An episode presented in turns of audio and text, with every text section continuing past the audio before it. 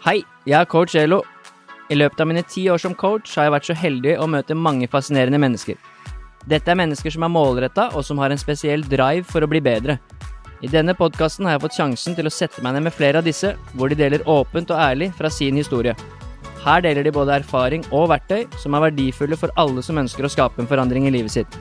Har du et mål eller et ønske om å forandre noe i ditt liv? Da er denne podkasten for deg.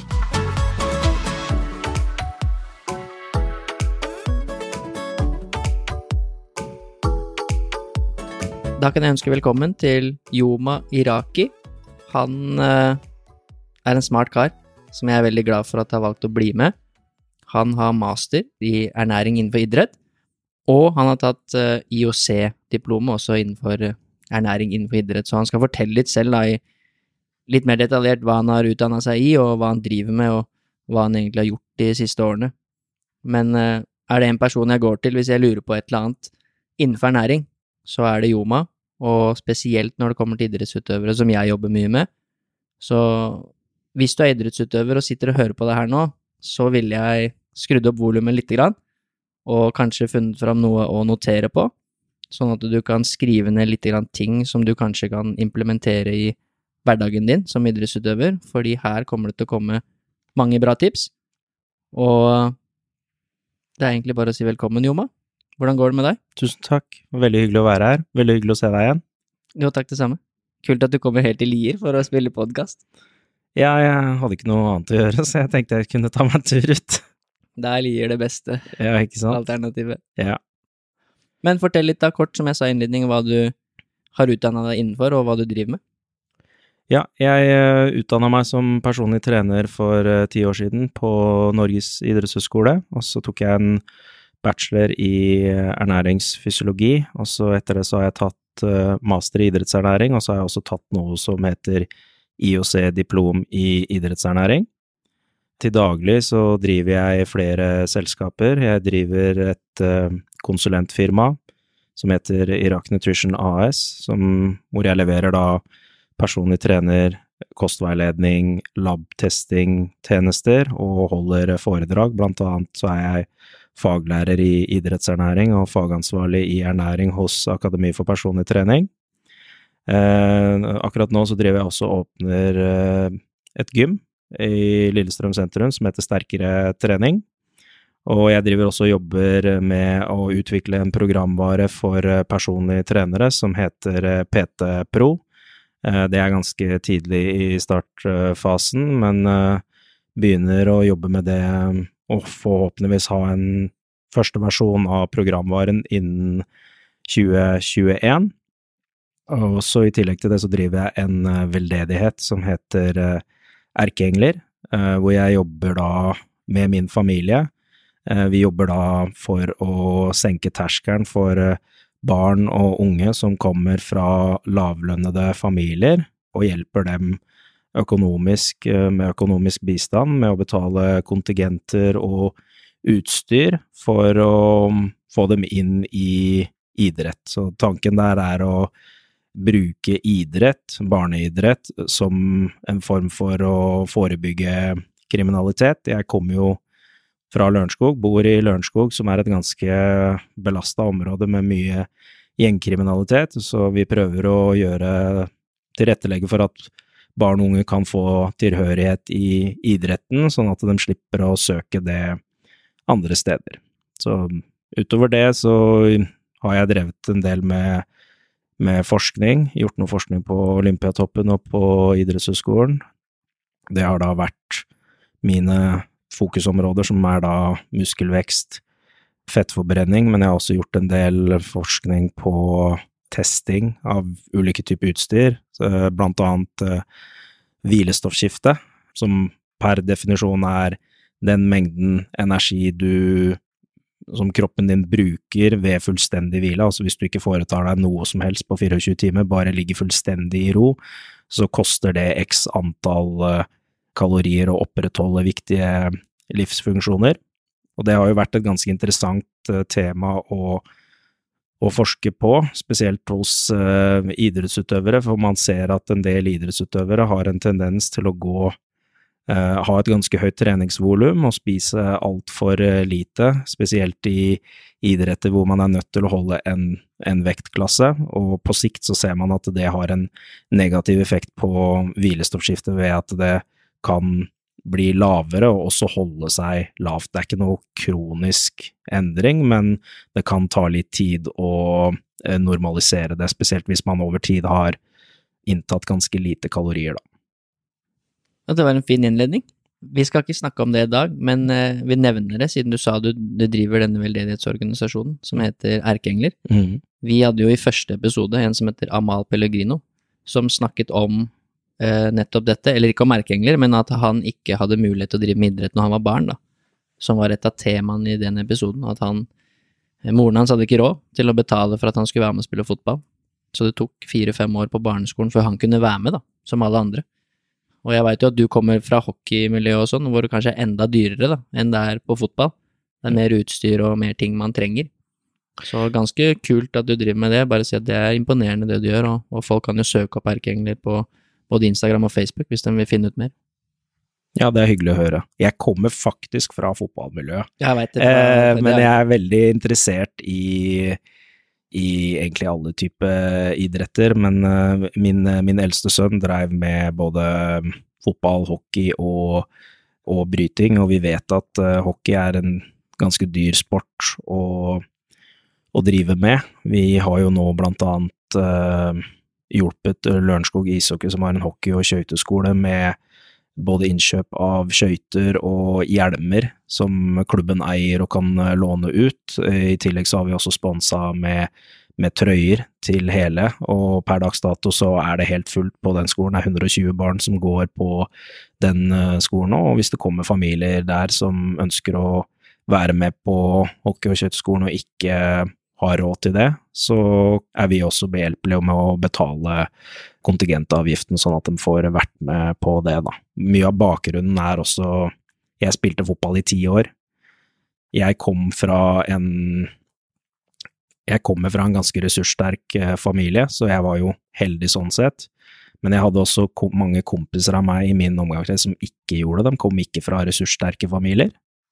Eh, men eh, vi dreiv med idrett, uh, alle mann. Noen av de vi hadde i, i venneflokken, dreiv ikke med idrett, og de har jo i dag blitt dratt inn i ganske dårlige miljøer. Så jeg tror uh, vi blei jo alle eksponert for det her når vi var yngre, fordi Lørenskog har alltid vært et sted hvor det har vært gjengkriminalitet, men jeg tror idretten redda oss uh, ganske mye, da. For det var det vi brukte fritida, vi, fritida vår på, og ikke andre ting, da. Er det noe av det her som, som har gjort at du har valgt å studere det du har gjort òg, eller har det noe med bakgrunnen din å gjøre, eller kommer det av andre årsaker? At du har valgt å studere ernæring retta mot idrett, da? Eh, altså, min interesse for å drive med mm, Altså, når jeg var, når jeg var liten, så var jeg egentlig ganske tidlig ute med å være, hva skal jeg si, businessmann. Det starta egentlig med at jeg eh, samla på hockeykort. Jeg var vel en sju-åtte år. Uh, og, og, på Lørenskog så hadde de en lokalbutikk som het um, Hobby, hvor de solgte frimerker, kort, medaljer, ulike typer samleobjekter. Så jeg pleide alltid å dra ned til han, spørre han hva han skulle ha, og så ga han meg instrukser på hva han trengte, så jeg gikk jo rundt i nabolaget og trada kort med de andre kidsa, samla komplette kolleksjoner, dro ned til han, og så solgte jeg det. Og på en sommer, jeg tror jeg var åtte år eller noe sånt, så dro jeg inn 10 000 kroner. Og det her er liksom nesten 25 år siden, så det var jo ganske mye penger sånn sett, da. Så egentlig så var intensjonen min å drive, altså studere økonomi, da, for det var egentlig det jeg begynte med, men jeg har alltid hatt en veldig stor lidenskap for eh, trening, og jeg lærte meg egentlig ganske tidlig at eh, kosthold var en viktig del av treninga. Jeg begynte å trene vekter når jeg var 16, ble veldig hekta på det. Det kom faktisk etter at jeg knakk kravebeinet under en fotballkamp. Og så ble jeg helt hekta på det, forsto tidlig at kosthold var veldig viktig. Og så helt ved ren tilfeldighet, når jeg først starta på eh, økonomistudiet, så møtte jeg en eh, barndomsvenninne av meg min første venn, faktisk. Jeg kjente kjent han siden jeg var tre-fire år. og hun fortalte meg at hun hadde begynt å studere ernæring, da. Og da bare hoppa jeg av økonomistudiet, jobba et år, så begynte jeg året etter på bachelor i ernæring. Jeg hadde allerede egentlig begynt å studere PT, da, for jeg skulle liksom ha det eh, som en sånn side, sidegreie. Men når jeg hoppa inn i ernæringsfaget, så tenkte jeg nå går jeg bare all in og jobber med det her, da. Og du har jobba med det siden, og gjør det enda. Det er ganske kult å følge med på alt du får til. På business-sida òg. Du, du, driver definitivt med business enda. Åpner jo treningssentre og selskaper i hytt og pine og, og, gjør det veldig bra. Så det er kult å følge med. Jeg har på en måte klart å finne eh, en, en, vei hvor jeg kan drive med begge deler, da. Altså både business-biten, som jeg var veldig interessert i, men samtidig i et fag som jeg interesserer meg eh, eh, veldig mye, veldig mye for, da. Eh, det jeg kan si, er at jeg har på en måte aldri Sånn som når man driver business, så er det veldig vanlig at man tenker liksom at man har en forretningsidé, og at man skal liksom ha strategier og alt det, og jeg har aldri hatt det, for å være helt ærlig. Jeg har egentlig bare vært lidenskapelig opptatt av å bli god i det jeg driver med, og hjelpe andre, hatt det som et hovedmål, og så har egentlig alt det andre bare kommet av seg sjøl. Og jeg tror det er litt sånn Hvis man skal drive med det her i lengden, så må man være motivert av andre ting enn bare penger, da. Um, fordi du kommer så langt hvis hvis, motiva altså hvis motivasjonen din bare er penger, men hvis du virkelig brenner for det du driver med og genuint er opptatt av å hjelpe mennesker, som er en viktig del av den eh, jobben her, så faller egentlig resten av brikkene på plass, da. Så faren min pleide alltid å si at hvis du jobber for ryktet ditt, så vil ryktet ditt jobbe for deg, og det er litt den filosofien jeg også har jobbet etter, da, at jeg har vært veldig opptatt av å, å spre eh, informasjon som er basert på forskning, for jeg forsto tidlig at den bransjen her er full av masse misinformasjon. Så den interessen for forskning kom egentlig også ganske tidlig. Da jeg begynte å lese forskning ganske, ganske tidlig, og blei etter hvert uh, veldig interessert i, i det også. Uh, selv om jeg pleier egentlig å kødde litt med det her noen ganger, men det er, det er jo ikke direkte kult å sitte og lese forskningsrapporter. Det er jo dritkjedelig, egentlig, men det er nødvendig. Men etter hvert når man har gjort det ganske mye, så, så finner man teknikker på hvordan man på en måte kan absorbere ganske mye informasjon uten at man trenger å lese hver eneste setning i en, en forskningsrapport. Da. Men jeg må ærlig si at jeg syns det er kulere å praktisk drive med forskninga enn å, enn å sitte og lese det. Men det er liksom det er noe man bare må gjøre for å holde seg oppdatert, egentlig, i det faget her. Og det er i hvert fall det er ikke noe tvil om at du er oppdatert, for uh, det er ikke så mange jeg kjenner som er så oppdaterte som deg på forskning innenfor kanskje spesielt da idrettsernæring. Uh, og det skal vi snakke litt mer om seinere også, nå i, i, episoden. Hvis jeg går litt videre, men først så har vi en felles kompis som jeg er nødt til å kødde litt med. Uh, for du sa at du tok bachelor i idrett først, og vi har en kompis som fortsatt ikke har fullført bacheloren sin i idrett, eh, som heter Lars Olav. Mm. Og hvis vi får ut det her nå, litt live på podkast, så tror jeg kanskje at han må skjerpe seg. Når vi møtte han sist, så sa du at uh, han måtte ta seg sammen og bare få tatt den eksamen. Og vi prøvde å lokke med litt både gulrøtter og straffer og alt som var, men hva har du å si til Lars Olav? Nei, altså Nå har jo jeg prøvd i to år da, å få han til å fullføre den bacheloren eh, sin, og han lover meg hver eneste gang og sier han setter veldig pris på at jeg pusher han og sånne ting, men uh, nå, er det, nå, er det, nok. Nå er det, nå er det seriøst nok, liksom. Det sa jeg til den siste òg. Så det må enten være en Altså, det, det må være en straff som han får hvis han ikke fullfører det innen en viss dato men hvis han fullfører innen viss dato, så, så, skal han få en, eh, en gulrot. Og jeg har sagt til han at hvis du fullfører det, så skal jeg kjøpe en ny Xbox til deg. Ja. Det har jeg lova. Den skal vi spleise på. Den skal vi spleise på. Mm. Så. så. Lars Olav, nå har du hørt det. Uh, fullfører du den, så får du en ny Xbox eller PlayStation, du kan velge. Mm. Uh, hvis ikke, så, så blir det noe ordentlig drit du må gjennom. Ja. For nå er det nok. Og du får ikke vite hva det er på forhånd. Nei, man må gjøre det. Mm. Det er bra. Det var oppfordringa i dagens episode. Ja. Da skal vi over på litt eh, ernæring, da.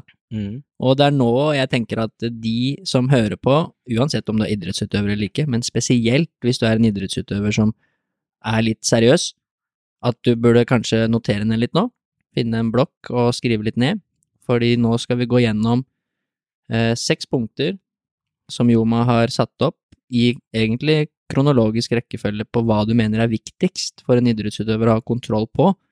Så jeg kommer bare til å si én, to og så videre, og det er derfor det er litt viktig kanskje å, å notere ned, da, for å klare å holde følge.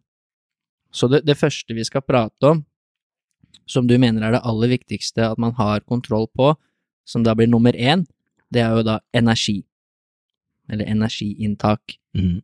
Så ja, ordet er egentlig ditt, eh, Joma.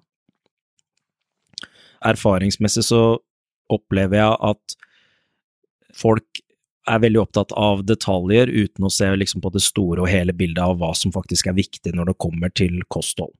Så mm, noen idrettsutøvere ønsker å gå opp i muskelmasse eller ned i fettprosent, eller er opptatt av prestasjon, og så er man kanskje veldig opptatt av hva slags kosttilskudd kan hjelpe, hvordan er måltidet før og etter trening.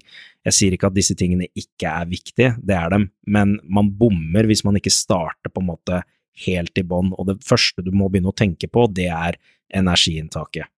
Du kommer liksom ikke rundt det ved at hvis du skal ned i vekt, så må du ha et lavere inntak enn enn det du forbruker, og hvis du skal opp i muskelmasse, så må du ha et overskudd av kalorier.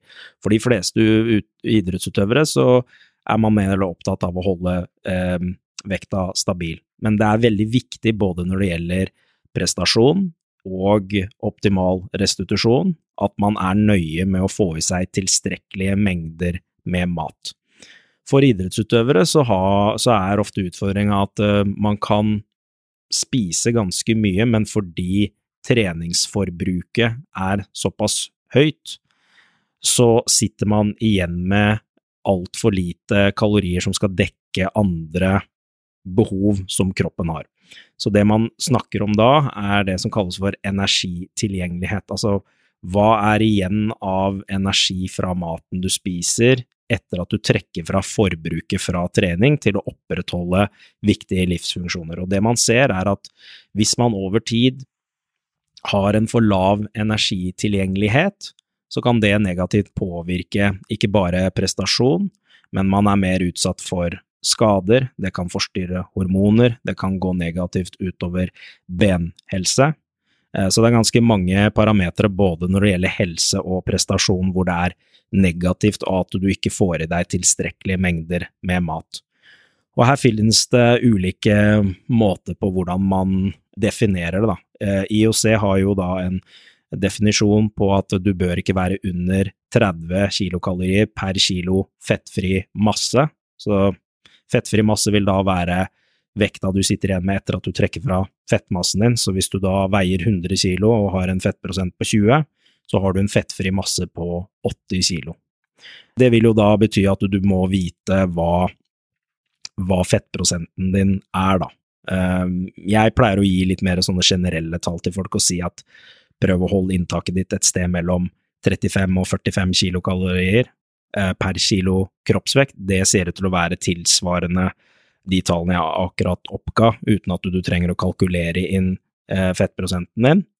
Men jeg ser at mange bommer på akkurat den biten her. De bommer på at de ikke spiser tilstrekkelige mengder med mat. Og så er det også sammensetningen av disse som vi skal snakke litt om senere, altså hvor mye proteiner, karbohydrater og fett du bør spise, fordi der er det en ganske stor variasjon på hvordan det bør være, litt avhengig av hvilken type idrett du driver med. Eksempelvis så vil utholdenhetsidretter hvor du har lengre varighet, kreve ikke bare mer energi, men det vil også kreve en større andel med karbohydrater, sammenligna med for eksempel vektløftere eller, eh, eller styrkeløftutøvere, hvor det ikke er det samme behovet for eh, energi og karbohydrater som for eksempel en langrennsutøver og syklist. Så kort oppsummert på energi, så er det det å passe på å få i seg tilstrekkelig mengder med energi. Det er på en måte der du bør eh, legge det største fokuset ditt eh, først, og så, når du har det på plass, så begynner man å se på de andre detaljene rundt kosthold, sånn som hvor mange måltider bør du spise, hvordan bør du spise før og etter trening, hvordan bør fordelinga være mellom proteiner, karbohydrater og fett. Eh, men overraskende nok så er det det at det som er minst viktig av disse tingene her, det er jo da kosttilskudd, og det er ofte det veldig mange idrettsutøvere er opptatt av å finne ut hva bør man bruke. Eh, noen kosttilskudd har jo en prestasjonsfremmende effekt, men jeg tror folk forventer ganske mye av disse tingene. Altså, det kan gi deg kanskje de siste fem prosentene når du optimaliserer et kosthold, det med, med kosttilskudd, men det er der dessverre veldig mange legger veldig mye fokus, dessverre. Da. Ja, og det, jo, det er jo det første punktet, energi, eh, som vil si kalorier. Hvor mye kalorier du spiser i løpet av en dag.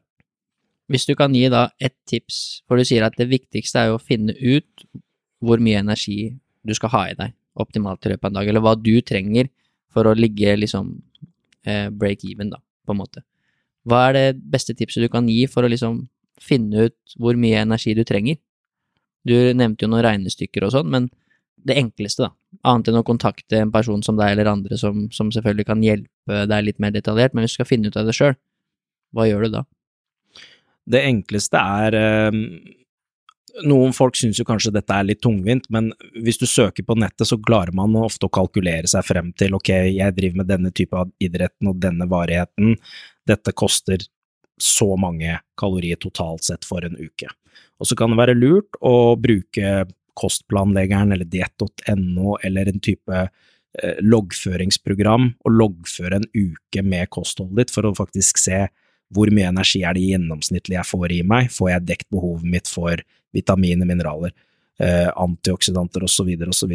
Det blir ofte en sånn litt sånn vekker for folk når de gjør det, for da blir de også ok, jeg ser at jeg ikke får med meg noe D-vitamin, da bør jeg kanskje ta noe av det, jeg ser at jeg har altfor lavt inntak av jern, da bør jeg kanskje gjøre noe med det.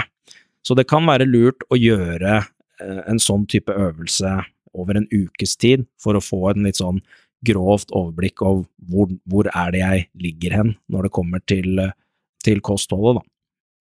Men klart, hvis man opplever utfordringer for eksempel med å ikke holde vekta si, eller hvis man har et ønske om å gå opp i vekt og til stadighet ikke klarer å få det til, så kan det være lurt å få veiledning og profesjonell hjelp på det området, da. Ja, og hvis man er en idrettsutøver som, som vil bli kanskje best i det man holder på med, så er det definitivt verdt det å investere litt i å få hjelp til ernæring. Ja, og det er jo det har jo blitt uh, mer vanlig å ha uh, støtteapparat rundt som, som, som, bistår med akkurat det, da. Hvis man er uh, tilknyttet Idrettsforbundet, så, så, så, kan man jo um, benytte seg av uh, Olympiatoppen, men det er jo også blitt mer vanlig med idrettslag å ha en, en person tilknyttet som, som hjelper til med akkurat den biten der, da. Kanskje ikke alltid på individnivå, men sånn fellesskap, uh, at man gir generell veiledning på området der, da. Ja, så det er det første punktet, er energi. Og det er, det er, det viktigste at man har kontroll på. Får i deg nok. Mm. Da kommer vi på neste punkt, som er punkt nummer to, som er makronæringsstoffer. Mm. Så da tror jeg først du skal fortelle hva makronæringsstoffer er, ja. og så ta det derfra. Makronæringsstoffer er da proteiner, karbohydrater og fett. Vi skiller mellom makronæringsstoffer, som er da de stoffene som gir oss eh, energi i form av kalorier. Så da har vi proteiner, karbohydrater, fett og alkohol. Og så har vi mikronæringsstoffene, som er viktige for oss, men de gir oss ikke De er såkalte ikke-energigivende næringsstoffer. Så vitaminer, mineraler, antioksidanter og eh, vann. Så mikronæringsstoffene skal vi snakke om senere. Makronæringsstoffene, det er jo proteiner som ganske mange har fokus på. Proteiner er jo da eh, ikke bare viktig for eh, vekst av muskulatur, men det er også viktig for vedlikehold og restitusjon. Det man ser dessverre hos en del idrettsutøvere, er at eh, man har et ganske høyt inntak av karbohydrater hvor du får med proteiner på kjøpet. Fordi spiser du havregryn, eller spiser du brød, eller spiser du ris, eller så er det jo proteiner der, men kvaliteten på det proteinet er ikke nødvendigvis av det beste. Så man kan totalt sett så kan det se ut som man får i seg tilstrekkelig mengde med proteiner, men nå i nyere tid så har man sett at det er ikke bare den totale mengden med proteiner som er viktig, men det er også kvaliteten på proteinet som du spiser som er litt viktig. Så hvis vi begynner først med total mengde med proteiner du bør spise, så vil det for de fleste idrettsutøvere være mellom 1,6 og 2,2 gram proteiner per kilo kroppsvekt. Som en enkel regel så pleier jeg å si til folk prøv å spise to ganger kroppsvekta di i proteiner. Så hvis du veier da 75 kilo, så er det 150 gram med proteiner du bør spise per dag. Det neste trinnet blir da hvordan du fordeler disse proteinene mellom måltidene. Fordi du kan totalt sett spise nok proteiner, men det man ser er at det er mer effektivt å ha en, et jevnt inntak av proteiner gjennom dagen. Når man ser på mønsteret på hvordan idrettsutøvere spiser, så ser man at man ofte har et lavt inntak av proteiner til frokost, lavt inntak til lunsj, og så har man en ganske massiv mengde til eh, middagen, og så litt for lite på kvelden. Så eksempelvis hvis, hvis vi tar et effektivt tall og sier hvis du skal ha i deg 150 gram med proteiner per dag, så spiser du 15 gram til, til eh, frokost og 15 gram til lunsj. Da har du fått i deg 60 gram. Og så spiser du 80 gram til middagen, der oppe 140, og så har du 10 gram til kveldsmaten. Da har du totalt sett fått i deg 150 gram med proteiner, men det er ikke en optimal fordeling av Eh, proteinene, fordi det var litt for lite til frokost, det var litt for lite til lunsj, det var litt for lite til kvelds, og så var det massiv mengde til middagen. Så man bør også fokusere litt på mengden med protein man spiser til hvert måltid, og der kan det være greit at man fokuserer på å få i seg mellom 30 og 40 gram proteiner til hvert enkelt måltid, og samtidig fokusere på at to tredjedeler av den mengden kommer fra en fullverdig, komplett kilde. Det jeg mener med det, det er at animalske kilder til proteiner, altså kjøtt, fisk, fugl, egg og meieriprodukter, de har en veldig høy proteinkvalitet, eh, som gjør at kroppen klarer å nyttiggjøre seg av det bra. Plantebasert protein eh, har en lavere proteinkvalitet, det vil, det vil si at eh, du kan fortsatt få samme effekt, men du må ofte kompensere med å spise betraktelig høyere mengde for å få tilsvarende effekt som animalske kilder gir.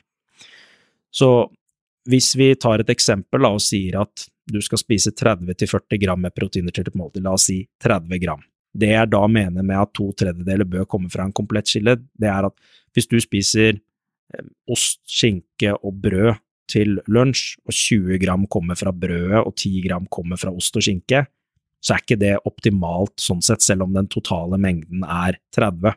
Hadde det derimot vært snudd andre veien, da, at 20 eh, gram kommer fra ost og skinke og 10 gram kommer fra brød, så er det en mer optimal måte å gjøre det på. Så pass på at eh, hvert måltid har et sted mellom 30 og 40 gram med proteiner, og sørg for at to tredjedeler av det proteininntaket ditt kommer fra komplette høykvalitets proteinkilder. Og eh, som en huskeregel ca. to gram per kilo kroppsvekt. Så det er egentlig bare gange kroppsvekta di med to, ja. så har du sånn cirka det du bør spise av mengde protein i løpet av en dag. Hvis Ja. du treffer der, så er du ganske innafor. Ja. Det er et ganske enkelt tall å forholde seg til også, da. Mm. Sånn uten å gjøre det for komplisert for uh, folk med tanke på beregninger og sånn, da. Så når du først har dekt behovet ditt for proteiner, så vil det neste være å, å se på fettinntaket. Og fett har jo noen, noen funksjoner, blant annet tilstrekkelig inntak av fett er viktig for optimalisering av kjønnshormoner, som for eksempel testosteron. Men man ser egentlig ikke noen sånn prestasjonsfremmende effekt av å øke proteininntaket over et visst punkt. Så så lenge du dekker minimumsbehovet ditt for det hormonelle og helsen din, så er det bedre å la en større andel av inntaket ditt komme fra karbohydrater, fordi karbohydrater har mange mer funksjoner da, som kan være viktig for idrettsutøvere. Der sa du protein Det er ikke å ikke øke utover det behovet du trenger for proteiner, men du mente fett. Mente fett, beklager. Ja. Fett mente jeg. Så en, en regel jeg pleier å si på fett, det er å holde det et sted mellom 0,5 og 1,5 gram fett per kilo kroppsvekt. Men hvis vi skal ha en sånn enkel huskeregel på det også, så er det å si 1 gram fett per kilo kroppsvekt. Så veier du da 70 kilo, så bør du få i deg 70 gram med fett per dag. Hvis vi nå tar den totale mengden med kalorier som vi startet med som et utgangspunkt, når noen av kaloriene har blitt fordelt til proteiner, og noe har blitt fordelt til fett, så sitter vi igjen med en rest av kalorier. Og den resten vi sitter igjen med, den bør da gå til karbohydratene. Og da er det sikkert mange som lurer på hvordan finner jeg ut hva dette er, altså hva er resten? Ett gram med proteiner tilsvarer fire kilokalorier, og det samme gjør også karbohydratene, mens fett gir ni kilokalorier per gram. Så hvis vi nå tar et eksempel, hvis vi har en mann som veier 100 kilo, da, og så sier vi at han skal spise 3000 kalorier. Hvis vi først skal regne ut hvor mye proteiner han skal spise, så er jo det 100 ganger 2, det gir 200 gram med proteiner. Når 1 gram med protein er 4 kilokalorier, så vil 200 gram være 800 kalorier. Så av det kaloribudsjettet vårt på 3000, så har 800 av det gått nå til proteinene. Så har vi fett. Hvis vi da gir den anbefalingen som jeg ga nå, med ah, ett gram fett per kilo kroppsvekt, så trenger han 100 gram med fett. Så ett gram med fett gir 9 kilokalorier. Da er det 900 kilokalorier som har gått til fett, og da sitter vi igjen med en rest. 3000 minus 800 minus 900. Hva blir det? Er du god i er 1700, vel? Ja, Altså 1300 igjen, da. Ja. Blir ikke det? Jo. jo, 1300. Så for å finne mengden med karbohydrater du bør spise da, så tar du 1300 kalorier, og så deler du det på fire, fordi ett gram med karbohydrater er fire. Da har vi 325 gram med karbohydrater. Så fordelinga da blei 3000 kalorier, 200 gram proteiner, 100 gram med fett, 325 gram med karbohydrater for vedkommende, da. Men karbohydrater er litt sånn spesielt når det kommer til idrettsutøvere, fordi det er jo den variabelen som, som bør justeres mest. Proteiner og fett kan du holde ganske konstant, men karbohydratene bør justeres ut fra hvilken type idrett du driver med, hvor lang varighet det er på idretten, eh, hvilken intensitet du har. Så her er det ganske mye variasjoner, mye som spiller inn, og innenfor idrettsernæring så har det blitt mer vanlig å periodisere inntaket, vil si at du matcher opp inntaket ditt av mat, altså energi, og spesielt karbohydrater, opp mot den treningsbelastningen og mengden som du har, da. Og det er jo egentlig ganske logisk, fordi det å ha et flatt, høyt inntak av karbohydrater når du har ganske mye variasjon med treninga si, det gir jo egentlig ikke noe mening sånn sett. Det sier seg selv at har du økter i løpet av uka som er mye tøffere enn de andre, så vil det kreve mer energi og mer karbohydrater. Da bør du spise mer den dagen, mens dager hvor du har lavere intensitet, kortere varighet, så bør du skalere ned inntaket på eh, karbohydrater. Og så er det også igjen ganske stor variasjon ut fra hvilken type idrett du driver med, da. Så um, kraftidretter så ser man at behovet for karbohydrater er ikke eh, like stort, mens driver du med sykling, driver du med lagidrett, driver du med langrenn, så er behovet for eh, karbohydrater og energi betraktelig høyere. Ja, kanskje også i sånne litt nyere idretter som crossfit, så vil karbohydrater være ganske viktig. Ja, altså jo høyere intensitet du har, da, jo viktigere blir det med karbohydrater, og det har noe med at eh, fett krever ganske mye tid og ganske mye oksygen på å kunne frigjøre energi, eller regenerere det som kalles for ATP da, på cellenivå. Og det betyr da at eh, du som person kan ikke drive og forbruke så veldig mye oksygen hvis de prosessene skal pågå.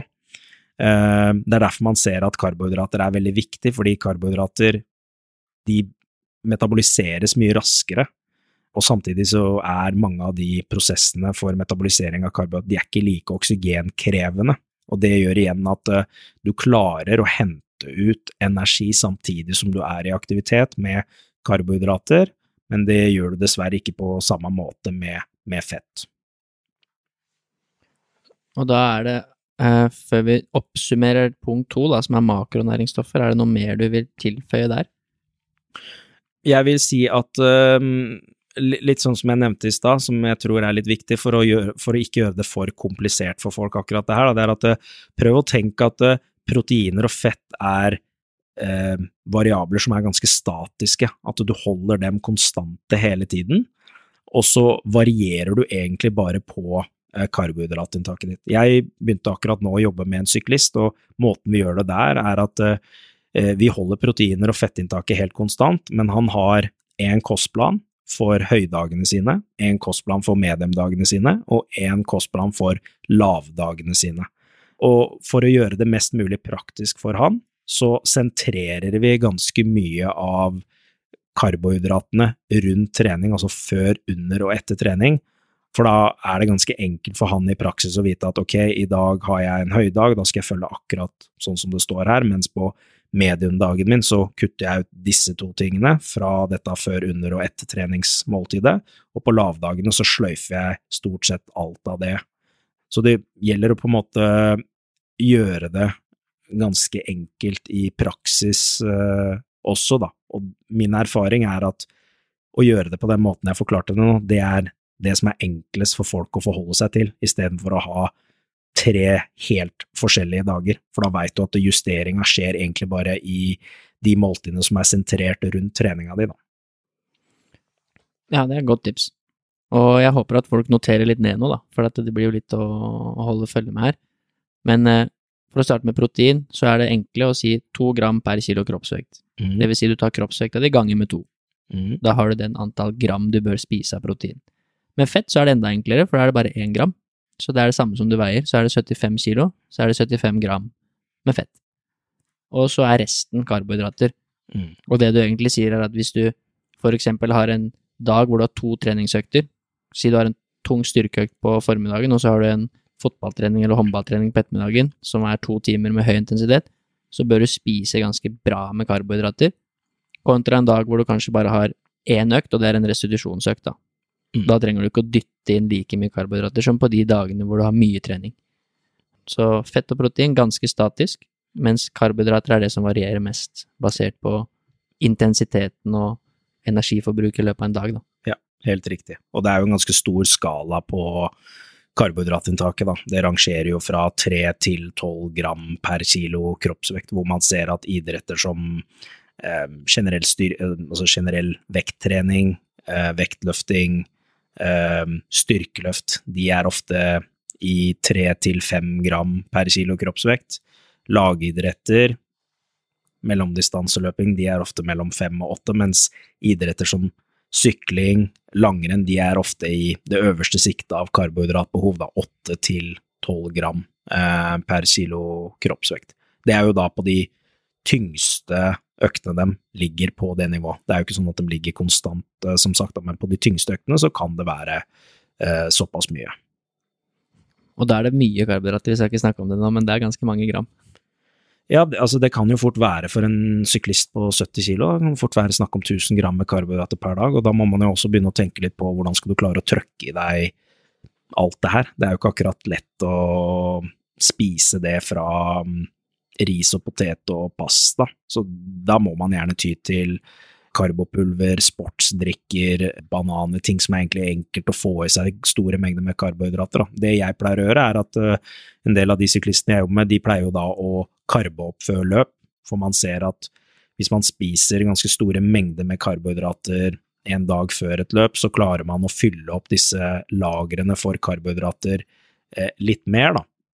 Så det vi pleier å, eller det jeg pleier å anbefale, er å lage sånne store batcher med risgrøt. For det er enkelt å spise, det er ganske mildt for uh, magen, og du klarer å få i deg ganske store mengder med, med karbohydrater uh, på den måten, da.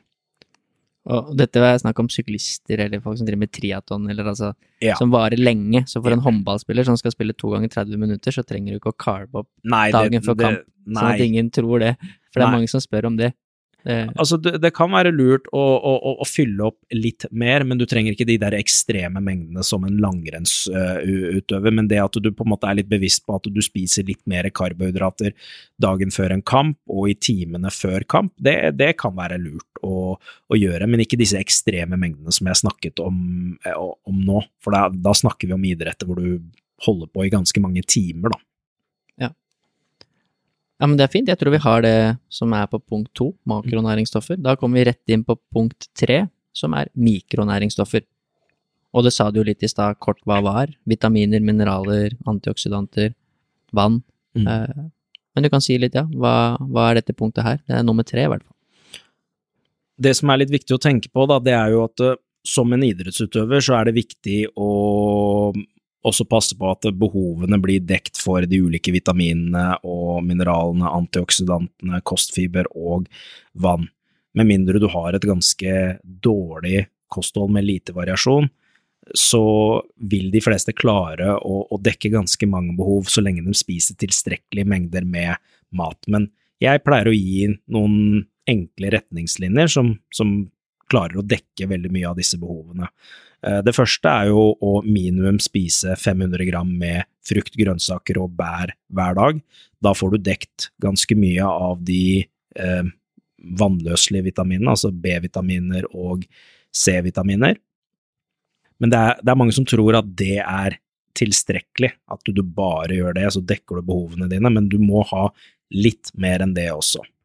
Fiber er jo også en ting som er litt viktig å, å tenke på, og der har jeg en anbefaling om å spise 10 gram kostfiber per tusende kalorien du spiser. Så spiser du 3000 kalorier, så bør du i hvert fall få i deg 30 gram med, med kostfiber. Nå er det sånn at inntrykket mitt av idrettsutøvere når det gjelder melk- og meieriproduktinntak, er eh, positivt. De fleste har det som en del av kostholdet sitt. Eh, og får du i deg tre porsjoner med melk- og meieriprodukter hver dag, så vil du klare å dekke behovet ditt for kalsium ganske greit. En annen fordel med melkeproteiner er jo også at Eller melk, da, det er jo at proteinkvaliteten som kommer fra melk, er av veldig, veldig høy eh, kvalitet. Så spiser du eksempelvis, hvis du drikker to glass med melk om dagen, spiser en yoghurt og spiser to–tre skiver med ost, så har du på en måte dekt behovet ditt for kalsium. Kontra hvis du fjerner melk- og meieriprodukter helt, da, og la oss si du skal spise en plantebasert kilde til kalsium, eksempel brokkoli, da, så må du spise to kilo med brokkoli for å få tilsvarende mengde. Så det er ikke sånn at hvis du ikke spiser melk- og meieriprodukter, så klarer du ikke å finne andre kilder til kalsium, men du må gjøre betraktelig mer, da, eh, og spise betraktelig større mengder for å klare å, å dekke eh, behovet ditt. Omega-3 er jo også noe jeg eh, pleier å, å anbefale. Um, ikke bare omega-3, men D-vitamin og omega-3, så spise fet fisk minst tre ganger i uka kan være fornuftig, ikke bare av helsemessige årsaker, men for idrettsutøvere så ser man også at eh, både omega-3 og D-vitamin kan være viktig for eh, eh, skadeforebygging når det gjelder D-vitamin. At du har tilstrekkelig inntak av D-vitamin kan bidra til å forebygge skader. Man har også sett at D-vitamin kan føre til økt kraftutvikling i muskulatur, som er viktig for, for prestasjon. Og når det gjelder omega-3, så ser man at uh, tilstrekkelige mengder med omega-3 kan uh, være med på å optimalisere uh, restitusjon, men sånn, av interesse så er det også det at omega-3 i høyere konsentrasjoner, eh, definert som to til tre gram med det som kalles EPA og DHA, eh, så ser man at eh, cellene våre blir mer sensitive for opptak av næringsstoffer. Og det kan igjen være positivt både for de som er opptatt av muskelvekst, men også for å mm, optimalisere restitusjon og prestasjonen sin. Så det er mange som tenker på D-vitamin og omega-3 som ting som er veldig viktig å tenke på når det gjelder helse, men man ser også at det er ting her som er viktig når det gjelder eh, optimalisering av eh, prestasjon. Da. Og så er det noen ting som ser ut til å være Noe er litt viktigere for jenter, og noe er litt viktigere for gutter, og det er jern og sink. Så hvis vi tar først sink, hvis vi tar først jern, så ser vi at uh, jenter er jo mye mer utsatt for jernmangel enn gutter. Eh, og det er det naturlige årsaker til. En av de tingene er jo at menn har høyere testosteron. Testosteron fører til økte røde blodceller i større grad enn hvis man har lavere testosteron. Eh, men, men, kvinner har jo også menstruasjonssyklus hvor de blør, men man ser også at kvinner har generelt et lavere inntak av, av jern, og de ser også ut til å tape mer jern i form av svette og mikroskopiske blødninger i, i tarmen. Eh, som gjør at de er veldig utsatt. Så jenter som spesielt trener veldig mye, er veldig utsatt for å få eh, jernmangel.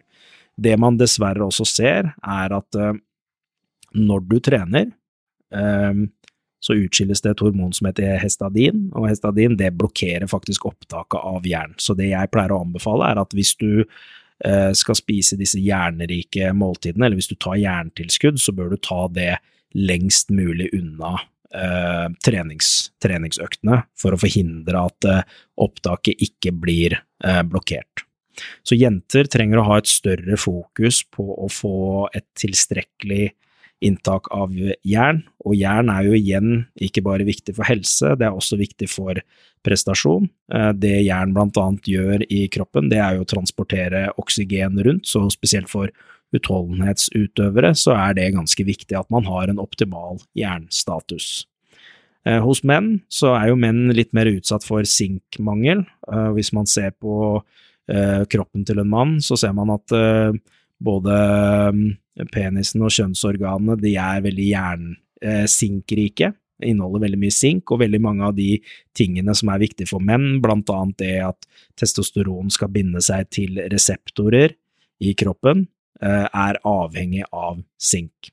Eh, menn har også en tendens til å tømmes ganske kjapt for, for sink, bokstavelig talt, fordi hver gang en, en mann får en, en, orgasme og får en utløsning, så mister man faktisk fem milligram med sink. Så hvis du er eh, eh, Hva skal jeg si? Hvis du, hvis du, er aktiv, så kan du bokstavelig talt eh, tømme deg ganske kjapt, da. Så det kan være litt lurt å være litt bevisst på sinkinntaket for en eh, for en mann, da. Og det er ikke nødvendigvis at du må ta noe tilskudd, men at du spiser eh, sinkrik mat. Da. Eh, rødt kjøtt, for eksempel, har sink av, av høy kvalitet. Eh, sjømat inneholder også eh, sink. Så Men når vi først er inne på jern og sink, så, så, så, vil jeg nevne dette med rødt kjøtt, for det er noe som veldig mange spør om.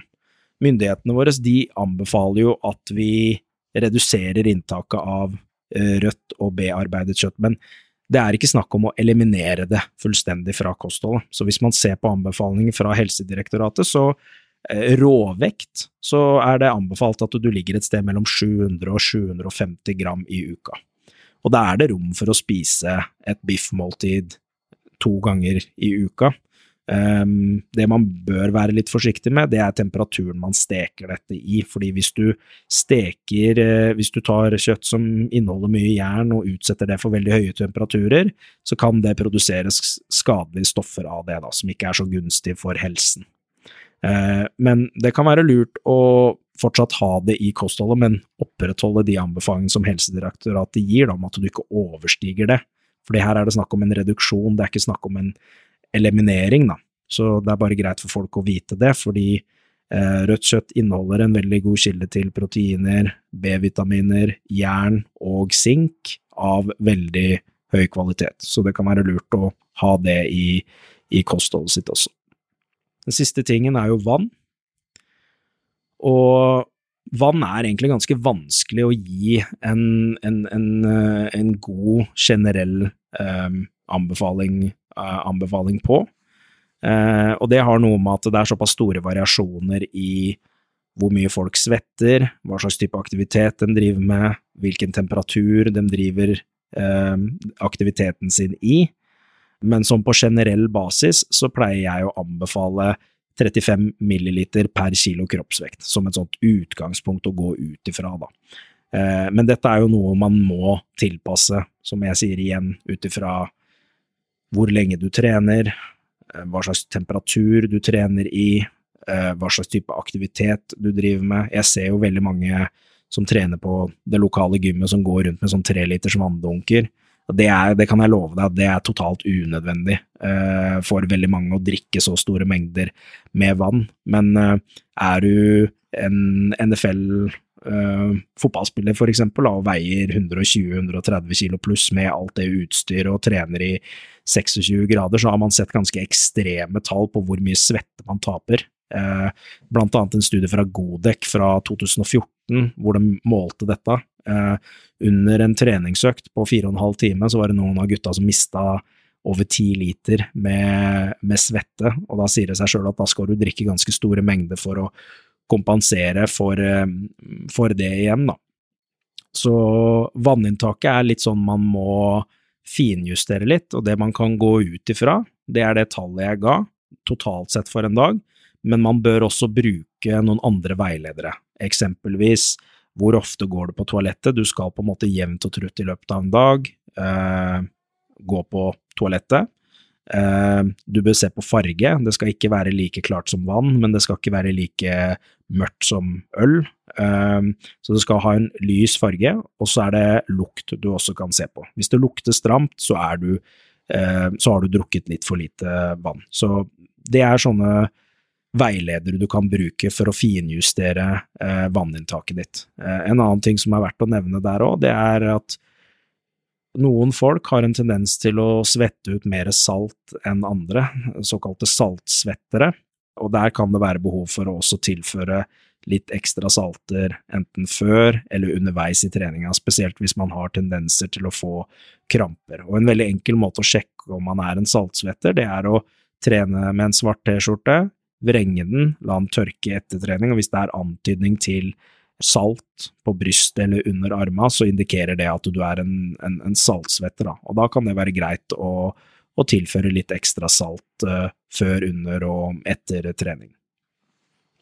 Ja, for hvis du er en saltsvetter, så vil det ikke nødvendigvis være optimalt bare drikke vann, men da må du også få i deg saltene for å klare å binde det her.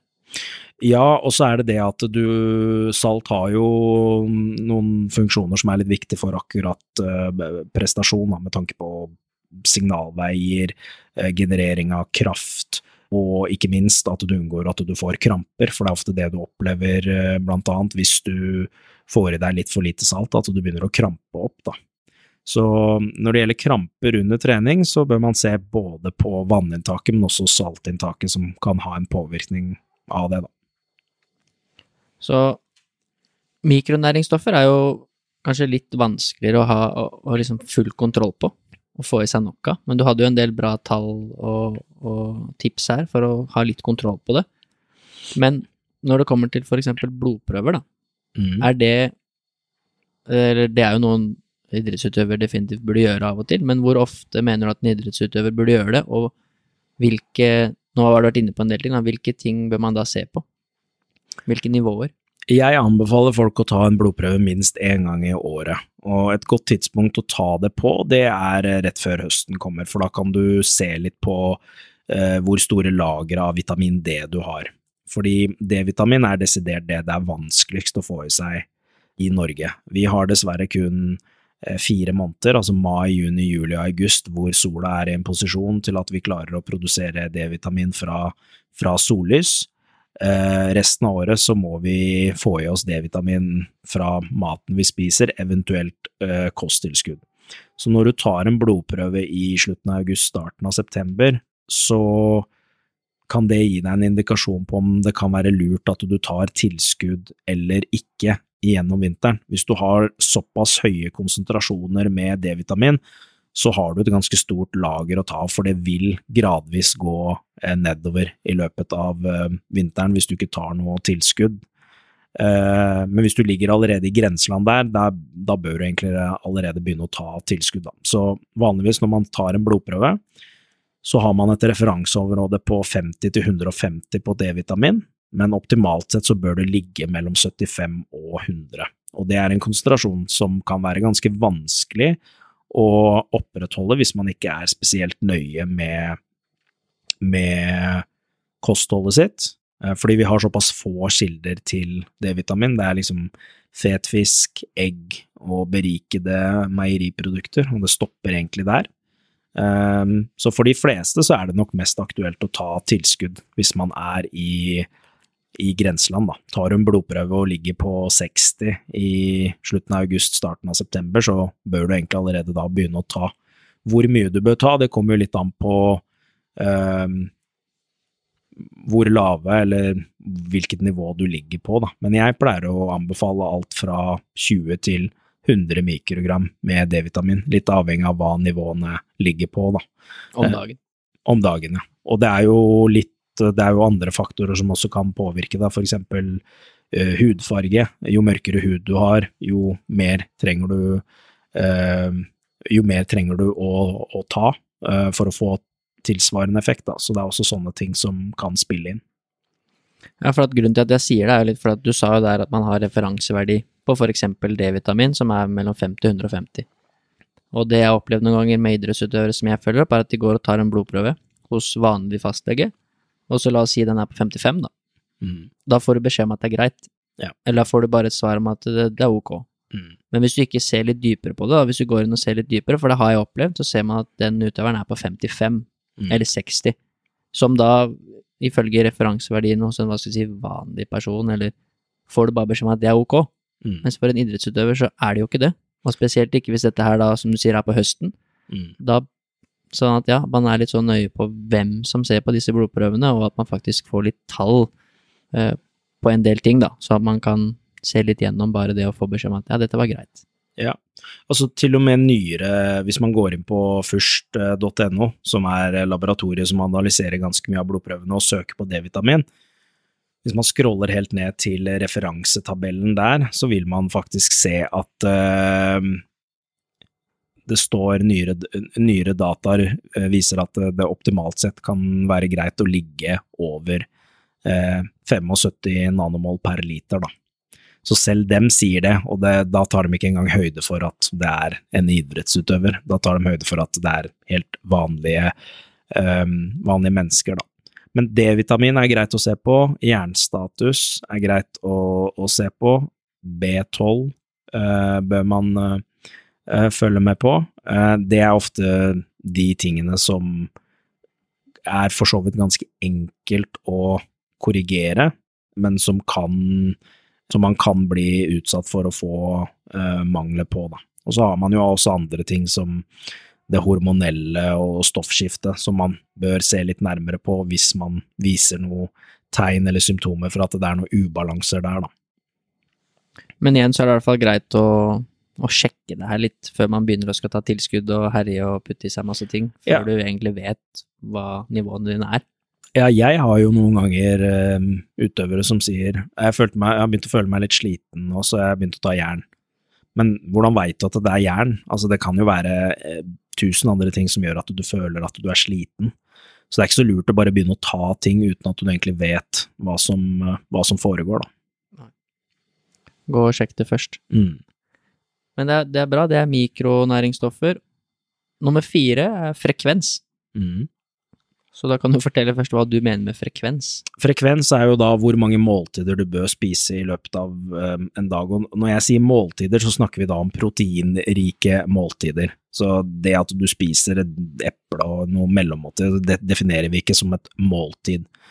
Men um, det var egentlig litt det vi snakket om i stad når det gjelder uh, proteiner, at eh, man ser at optimalt sett for muskelvekst og restitusjon, så bør man ha et minimumstall for hvor mange måltider man bør spise i løpet av en dag. Det har noe med at eh, i løpet av en dag så har du oppbyggende og nedbrytende faser av proteiner i kroppen din, og det er ønskelig fra et eh, restitusjonsperspektiv at du en, en positiv, at du er på den positive sida i slutten av dagen. Og det man ser er at hvis det blir litt for få måltider, så er det ikke så lett å være på den positive sida i slutten av dagen, så et minimums antall av måltider bør være at du spiser tre måltider, og så bør man også ha et, et, et tak på maks antall proteinrike måltider du spiser, som er seks, og et sted mellom tre og seks proteinrike måltider er det du bør eh, ligge på. Grunnen til at jeg sier seks, det er fordi at man ser at hvis du spiser måltider veldig tett opp til hverandre, så vil du ikke nødvendigvis få den der robuste effekten som du ønsker på eh, proteinsyntesen. Fordi når du spiser et proteinrikt måltid, eh, så fremt du på en måte har spist tilstrekkelig mengde, så får du en maksimal stimulering av syntesen, og så er det ønskelig egentlig at den går tilbake til utgangspunktet før du prøver å stimulere den igjen. Eh, fordi hvis du prøver å stimulere den igjen sånn halvveis, da, at den er på vei nedover, så ser man at du får ikke den samme robuste effekten på proteinsyntesen som du ønsker. Det er noe som kalles for proteinrefraktorisk respons. Så jeg pleier egentlig å anbefale at eh, man ikke spiser annenhver time, men at man lar det gå litt lengre tid, altså tre-tre og en halv time mellom hvert eh, måltid, og da vil de fleste passe inn mellom tre og seks måltider i løpet av en dag. Det jeg pleier å gjøre for å diktere hvor mange måltider det er, det er at jeg tar utgangspunkt i den totale mengden med proteiner du spiser, og så ser jeg ok, dette er total mengde med proteiner jeg spiser, og hvert måltid så ønsker jeg at vi ender opp et sted mellom 30 og 40 gram med proteiner. Så hvis det er en dame da som veier 60 kilo, og hun trenger 120 gram med proteiner per dag, så kan det være fornuftig for hennes del at eh, vi har 30 gram med proteiner fire ganger om dagen. Da vil måltidsfrekvensen være fire. Men hvis jeg har en mann som veier 100 kilo, og han trenger 200 gram med proteiner, da ville jo frekvensen vært fem måltider i løpet av en dag, hvor hvert måltid er 40 gram med proteiner. Det er måten jeg pleier å anbefale, måten jeg tenker på, da, som gjør det enklere å tilpasse hvor mange måltider man bør spise i løpet av en dag. Så minimum tre, maks seks. Ja. Mellom tre og seks. Ja.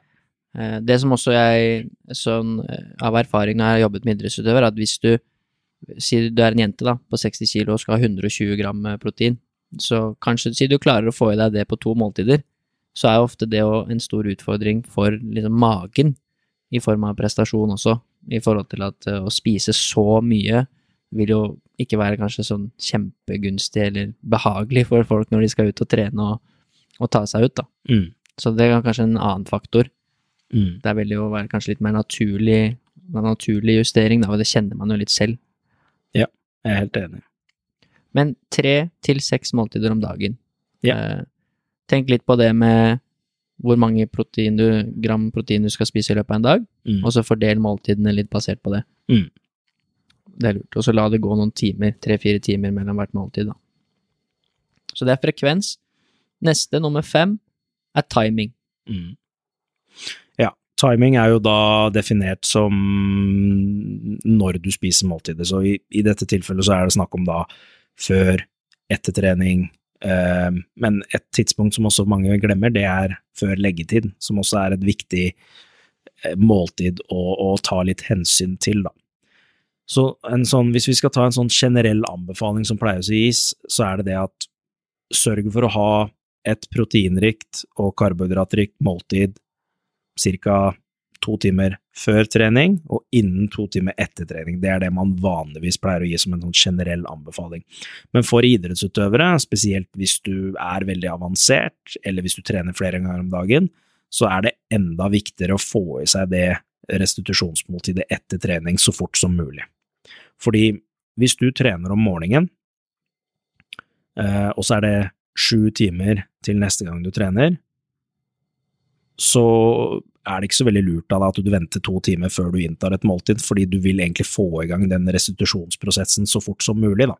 Det, er ikke like, det er ikke like krise at du på økt nummer to får i deg det måltidet like eh, kjapt, men eh, fra økt nummer én til økt nummer to så er det veldig viktig at du får det i deg. Men det er like greit å bare innarbeide en god rutine på det, at eh, når du fort er, så fort du er ferdig på trening, så få i deg noe. Og det jeg pleier å anbefale, er at uh, som idrettsutøver, uh, spesielt hvis du trener flere ganger om dagen, så bør du få i deg et restitusjonsmåltid innen 30 minutter etter treningsøkta. Og det bør da inneholde tilstrekkelige mengder med proteiner, altså minimum 30 gram, uh, og også tilstrekkelig mengde med karbohydrater. og karbohydratmengden avhenger jo da av hva slags type idrett du driver med. Er det en vanlig styrke, styrketreningsøkt, eh, vektløfting, styrkeløft, så er det liksom ikke sånn kjempebehov for å fylle på eh, mye karbohydrater, fordi det er ikke like glykogenkrevende. Men er du en utholdenhetsutøver, altså en maraton, syklist, langrennsutøver, så har du brukt veldig mye glykogen og mye karbohydrater, og da må du fylle på eh, enda mer, da. Så jo mer avansert du er, spesielt hvis du trener flere ganger, jo viktigere er det å få i seg det måltidet rett etter trening. Men det er også viktig å tenke på det måltidet du spiser før leggetid, og det har noe med at det er såpass mange timer du går uten å spise mat i løpet av natta, og der har man sett at uh, uh, spiser du tilstrekkelig mengde med proteiner der, så har det en positiv effekt på proteinsyntesen din i løpet av natta. Så det du bør passe på der, det er nummer én, tilstrekkelig mengde med proteiner, og gjerne en kilde som brytes ned sakte. Vi har et melkeprotein som heter kasein, det finnes i pulverform, men du kan også finne det i helt vanlige ting, sånn som eh, kesamskyr, gresk yoghurt, eh, cottage cheese. Eh, det er sånne ting som er veldig fint å spise på kveldene, fordi du får mye proteiner av høy kvalitet, og også kasein, som er en langsom eh, proteinkilde. Så et måltid kan eksempel være på kvelden at du spiser eh, 250-300 gram med cottage cheese blanda med blåbær, eh, syltetøy og musli eller havregryn. Da får du en ganske eh, robust mengde med eh, proteiner eh, som brytes ned langsomt i løpet av natten. Det er gode tips. Eh, jeg tenkte bare før vi går videre, gå litt sånn kjapt tilbake på det du sa med måltid etter trening. Mm. Fordi av min, min erfaring er jo at, som du sier, kanskje det viktigste, i hvert fall det er lagidrett jeg har drevet mest med, da, er å ha rutine på det. Er kanskje det aller viktigste. Og så kan du alltid snakke om hvilke produkter du skal velge og sånn, men det å ha en rutine på å få i deg tilstrekkelig med energi etter spesielt en hard treningsøkt, da. Eh, Så det er mye vi, mye, noe vi fokuserer mye på, eksempel i Storhamar, eh, der vi jobber. At på harde økter så har vi en sånn fast eh, hva skal vi si, protokoll. Dette skal du ha med deg og få i deg før du går ut av hallen. Mm. Eh, med slingringsmonn på hva det skal være, da. Men liksom, det er en frukt, det er en smoothie, og det er en smartfish som vi bruker, da. Og så kan man variere hvilken frukt og hvilken smoothie etter smak, men at man har en sånn fast rutine på at dette skal ha i meg før jeg går ut av hallen. Så bare liksom etablere den rutinen tror jeg er ganske lurt. Eh, og så kan man optimalisere hva det inneholder etter hvert, da. Eh, men å ha det tilgjengelig er jo da et godt tips, tror jeg. Kjøp Ja. inn i løpet av en uke til hver eneste har treningsøkt, sånn at når en har treningsøkt, så tar jeg med meg dette fra kjøleskapet. Ja. Disse tre tingene i bagen. Det skal jeg ha i meg før jeg går ut. Ja. Det er jo også en sånn, sånn som når man jobber med kosthold med folk noen ganger, altså idrettsutøvere, så er det ikke alltid like enkelt å få dem til å liksom endre strukturen på kostholdet sitt fra, fra bånn. Eh, og da må man kanskje begynne hvor er det enklest å gjøre eh, justeringer. Og min erfaring er at det enkleste, hvor de på en måte ser en kjapp og markant effekt ganske kjapt, det er å, å skape de der rutinene rundt trening. Hva spiser du før trening? Hva må du eventuelt få i deg under trening? Hva gjør du etter trening? Og når man har eh, etablert det, så kan man, fordi når man ser effekten man har det, så er det veldig mange som tenker at hvis jeg gjorde de endringene der og så den effekten, hvilken effekt kommer jeg da til å på en måte få hvis jeg totalt sett endrer kostholdet mitt til å bli mer optimalt, da. Så det er litt sånn derre, ikke i den samme kronologiske rekkefølgen som vi jobber i nå, eh, hvor man begynner noen ganger, og det har noe med hvor villig er idrettsutøveren også til å gjøre de endringene som trengs, da.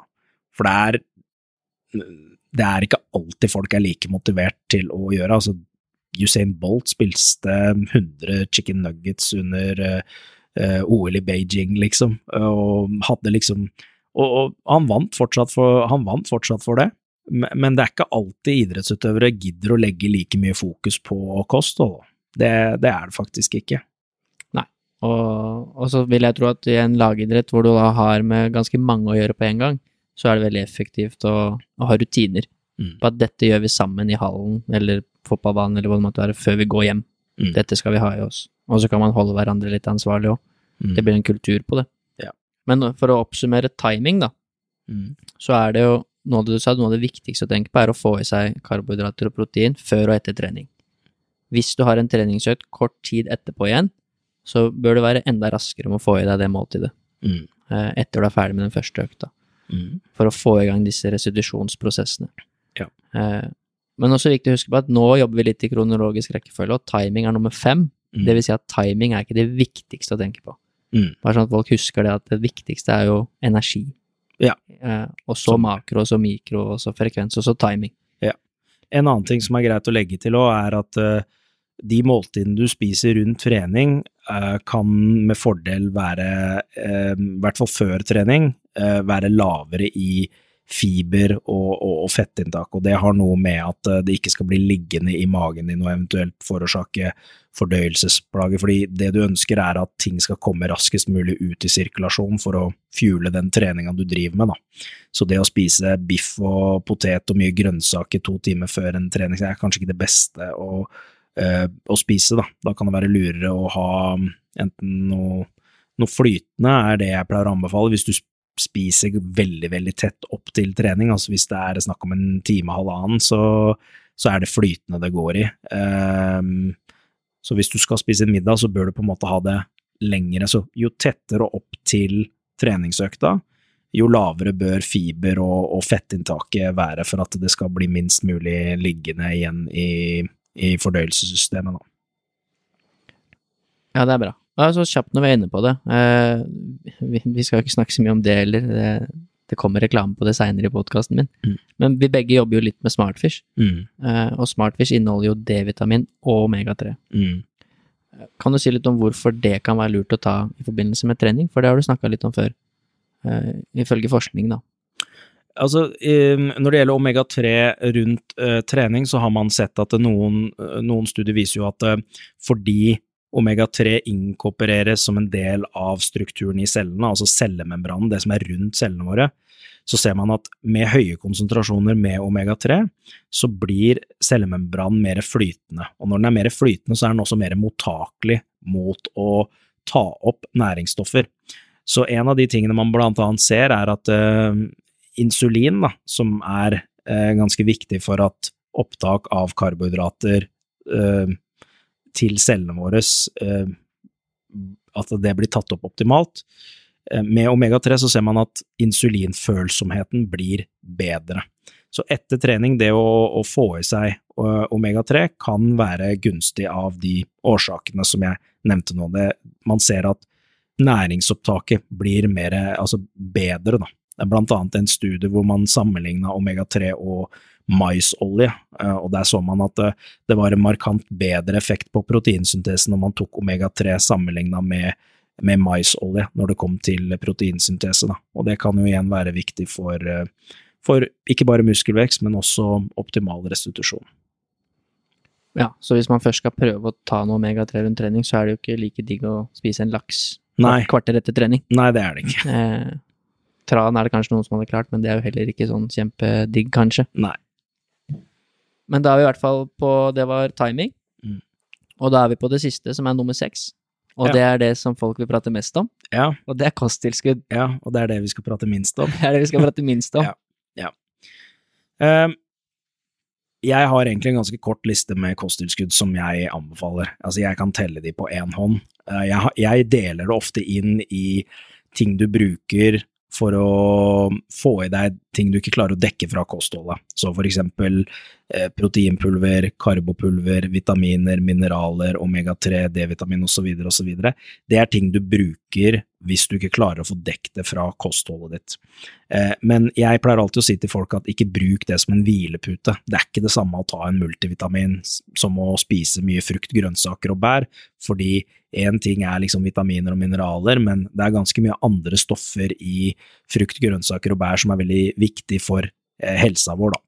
Men hvis vi skal se spesifikt på ting som kan ha en prestasjonsfremmende effekt, som har eh, ganske robust forskning bak seg, og som kan passe i mange ulike idretter, så er det egentlig tre ting på min liste. Det er kreatin, koffein og beta-alanin. Det er de tre som jeg ehm, føler har såpass mye forskning bak seg, og som kan funke i ganske mange idretter. Da. Hvis vi starter med koffein, så ser vi at koffein er jo ganske universalt. Det, liksom, det funker i egentlig alle idretter du driver med, og måten det fungerer på, det er at koffein fører til at ø, opplevelsen av tretthet utsettes i sentralnervesystemet vårt. Det er en av fordelene med koffein. Uh, den andre fordelen er økt fokus, og den tredje fordelen er at det genererer til økt kraftutvikling i muskulaturen vår. Så det er tre ting her som er gunstig med uh, koffein.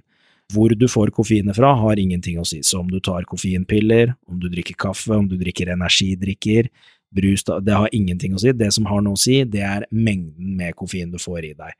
Og anbefalt mengde av koffein, det er tre til seks milligram per kilo kroppsvekt. Inntatt ca. 30–60 minutter før trening. Der ser man at da når du den koffeinpiken som kan være fordelaktig for, eh, for prestasjon. Ulempen med, kreatin, nei, med koffein det er jo at uh, hvis du inntar det veldig seint, så kan det forstyrre nattesøvnen din, fordi koffein har en ganske lang halveringstid på seks timer. Uh, det gjør at uh, hvis du Hvis jeg skal forklare hva halveringstid er på en veldig enkel måte, da, så hvis du inntar to Red Bull klokka 18.00, så vil du ved midnatt, seks timer seinere, ha fortsatt én Red Bull sirkulerende rundt i kroppen din, og det kan jo igjen påvirke nattesøvnen din negativt. Så det er en sånn balanse du vurdering du må gjøre, da, at uh, hvis du først skal bruke koffein, så bare pass på at du ikke tar det såpass seint at det påvirker nattesøvnen din, fordi hvis du spør meg da om jeg kan velge mellom hva er best for treningsutbytte og restitusjon? Er det det at jeg tok koffein og fikk en liten prestasjonsfremmende effekt på trening, eller er det det at jeg sov nok? Så vil jeg jo si nok søvn vil alltid vinne over det å ta eh, koffein. Så det er en sånn viktig faktor å tenke litt på. Det neste er eh, kreatin. Eh, kreatin finnes i mange ulike varianter. Eh, man har krealkalyn, kreatin eh, etylester, kreatin malate, men kreatin monohydrat er den varianten som det har blitt forsket aller mest på. Og det man ser, er at det er ingen av de andre kreatinvariantene som har vist å ha en bedre effekt enn kreatin monohydrat. Og da blir spørsmålet hvorfor skal du betale tre, fire, fem ganger så mye for et produkt når det ikke gir noe bedre effekt enn originalen, da, som er kreatinmonohydrat. Det er ikke så veldig mye kreatin du trenger å ta heller, det er snakk om 0,03 gram per kilo kroppsvekt, så opptil 100 kilo så holder det egentlig å ta 3 gram i løpet av en dag. Og du kan enten velge å ta en loading-fase på 20 gram fordelt på fire doser i fem til syv dager, og så gå over til en vedlikeholdsdose på 3 gram. Eller så kan du ta vedlikeholdsdosen på tre gram fra dag én og være litt tålmodig, fordi etter tre uker så ser man at konsentrasjonene blir akkurat det samme om du brukte en oppladningsfase, eller om du bare gikk direkte på vedlikeholdsfasen. Eh, det man ser med kreatin, det er jo at for eh, skjelettmuskulatur så skjer det ganske mye interessante ting på eh, cellenivå, blant annet med signalveier for muskelvekst. Men eh, det kreatin eh, Sånn mekanismen på hvordan kreatin fungerer, det er at når du tar kreatin, så øker tilgangen på noe som heter kreatinfosfat i kroppen. Og kreatinfosfat brukes da for å regenerere det som kalles for ATP i kroppen. Altså ATP fungerer som man kan kalle det for valutaenheten i cellene våre. Det fungerer som et uh, batteri som lades opp og tømmes når vi utfører eh, muskelarbeid. Og det man ser med kreatin, er at når du tar det, så øker eh, tilgangen på kreatinfosfat. Og kreatinfosfat er en ganske kort vei for å regenerere dette batteriet igjen, da. Så i kraftidretter så ser man at kreatin fungerer ekstremt bra, sånn som vektløfting, styrkeløft, sprinting, men man ser også at i lagidretter hvor man i løpet av en kamp må være ganske eksplosiv, at man ser eh, en ganske god effekt av kreatin der, eh, der også. Eneste som er ulempen med kreatin, er at noen opplever litt eh, fordøyelsesplager, og så kan det være litt utfordring i vektsensitive idretter, så hvis du driver med kampsport for eksempel, så er en av ulempene med kreatin, at du går litt opp i vekt av det. Det er ikke mye vi snakker om, men det kan være en kilo, kanskje opptil to kilo du går opp hvis du bruker kreatin, fordi kreatin gjør at du binder mer vann inne i, i muskulaturen. Den siste tingen, det er beta-alanin. Måten beta-alanin fungerer på, det er at når du tar det, så øker konsentrasjonen av noe som heter karnosin i muskulaturen. Eh, og karnosyn det fungerer som en pH-buffer i muskulaturen, så når melkesyre, altså laktat, akkumulerer i muskulaturen din, så vil karnosyn bøffere dette, slik at det tar lengre tid før du opplever laktat, altså at du blir sur i muskulaturen din. Da. Og her har man sett at i idretter som har en varighet på ett til fire minutter, så ser man en ganske god effekt av å bruke beta-alanin. Spesielt kampsport så har man sett veldig god effekt, blant annet i boksing så har man i studiet sett eh, økt slagfrekvens og økt slagkraft når man bruker eh, beta-ananin, men man har også sett gode effekter av det i lagidretter som for eksempel eh, fotball eh, og mellomdistanseløping. Mengden med beta-ananin du trenger, det er tre til seks gram per dag. Noen opplever at det er litt ubehagelig å bruke beta-ananin fordi du begynner å få sånn eh, prikkende, kløende følelse i hele kroppen din kort tid etter inntak. Det er helt ufarlig, det gir ikke noe prestasjonsfremmende effekt, fordi det tar eh, minimum fire uker før du merker effekten av beta-alanin, men for de som syns det er ubehagelig, så kan det være fordelaktig å dele eh, den dosen opp i flere doser for å unngå det, da. Men med tid så er det mange som opplever at det avtar.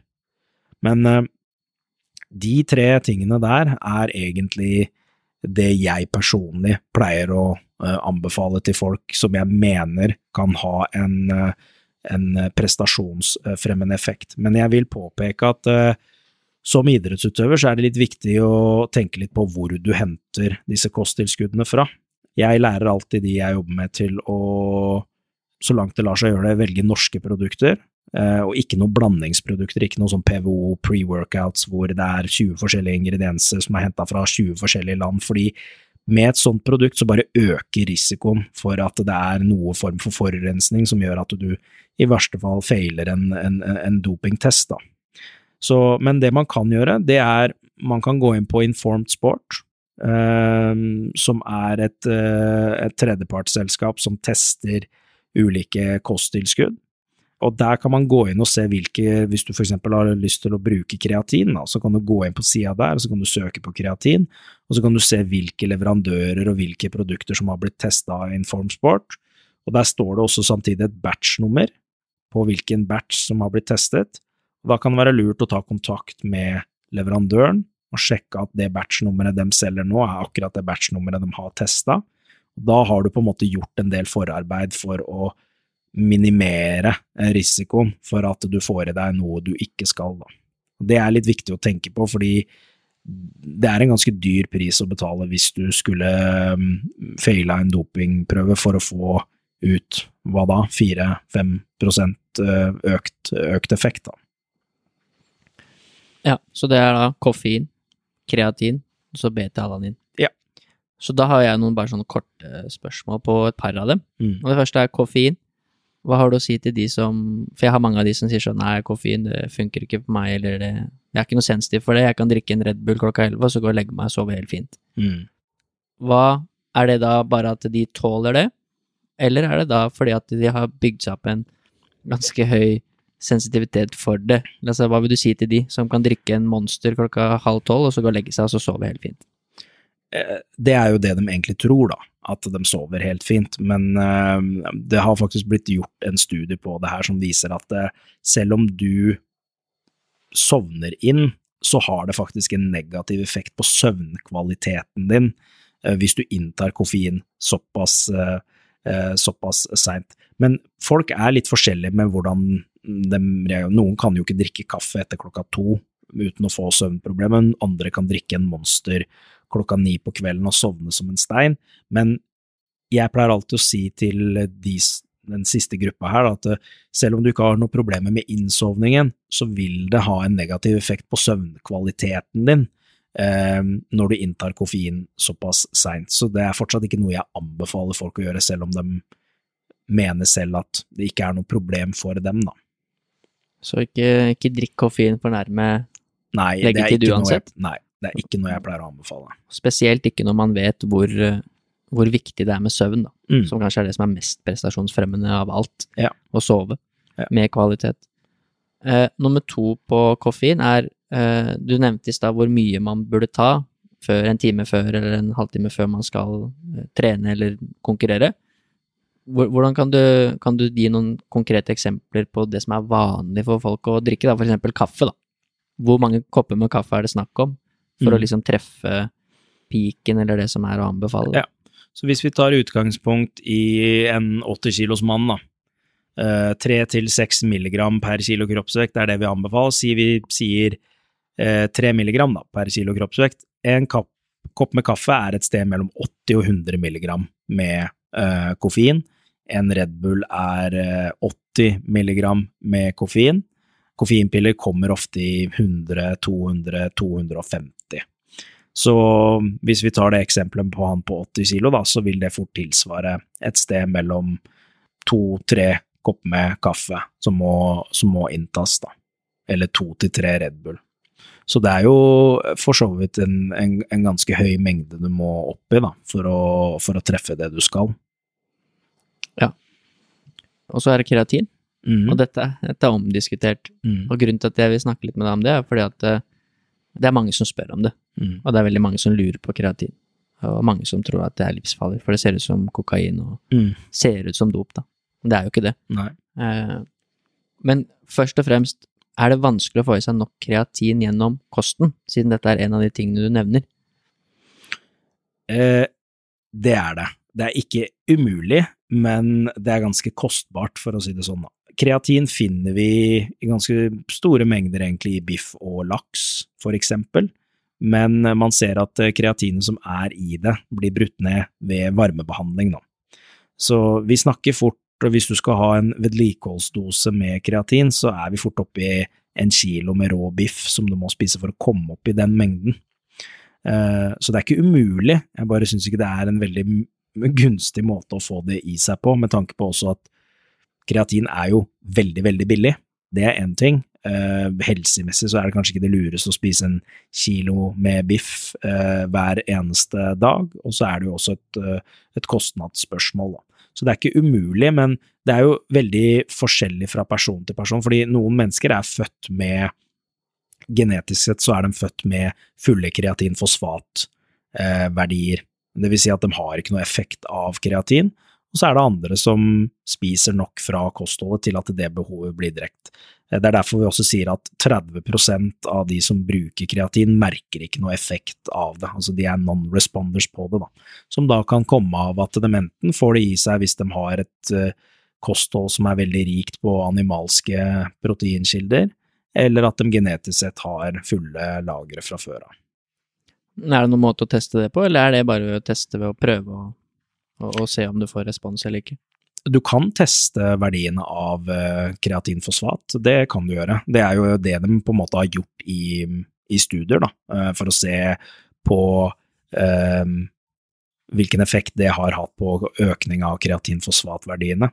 Men jeg tror ikke det er en vanlig prøve du får tatt hos fastlegen din. Eh, at du kunne fått gjort det på blodprøvetakning på Olympiatoppen eller idrettshøyskolen, det er jeg ganske sikker på at du kan få, få gjort hvis du er med i en, i en studie som ser akkurat på den markøren. Da. Men jeg tror ikke du får målt kreatinfosfat på, på, på legekontoret. Det er ikke noe jeg i hvert fall har sett før, da. Nei, men da er det tre, tre kjappe ting der. Én er jo at det er vanskelig å få i seg nok keratin gjennom kosthold. Mm. Eh, og hvis du skal få i deg nok av det, så, så bryter du jo litt med en del av de andre anbefalingene om f.eks. rødt kjøtt. Mm. Mengden rødt kjøtt du skal spise i løpet av en uke, overskrider du jo da enormt Mm. hvis du skal opp i en kilo om dagen, Mm. hvor eh, anbefalingen er 750 gram råvare i løpet av en uke. Eh, og så nummer to er eh, eh, Hva er det jeg skulle si da, med kreatin?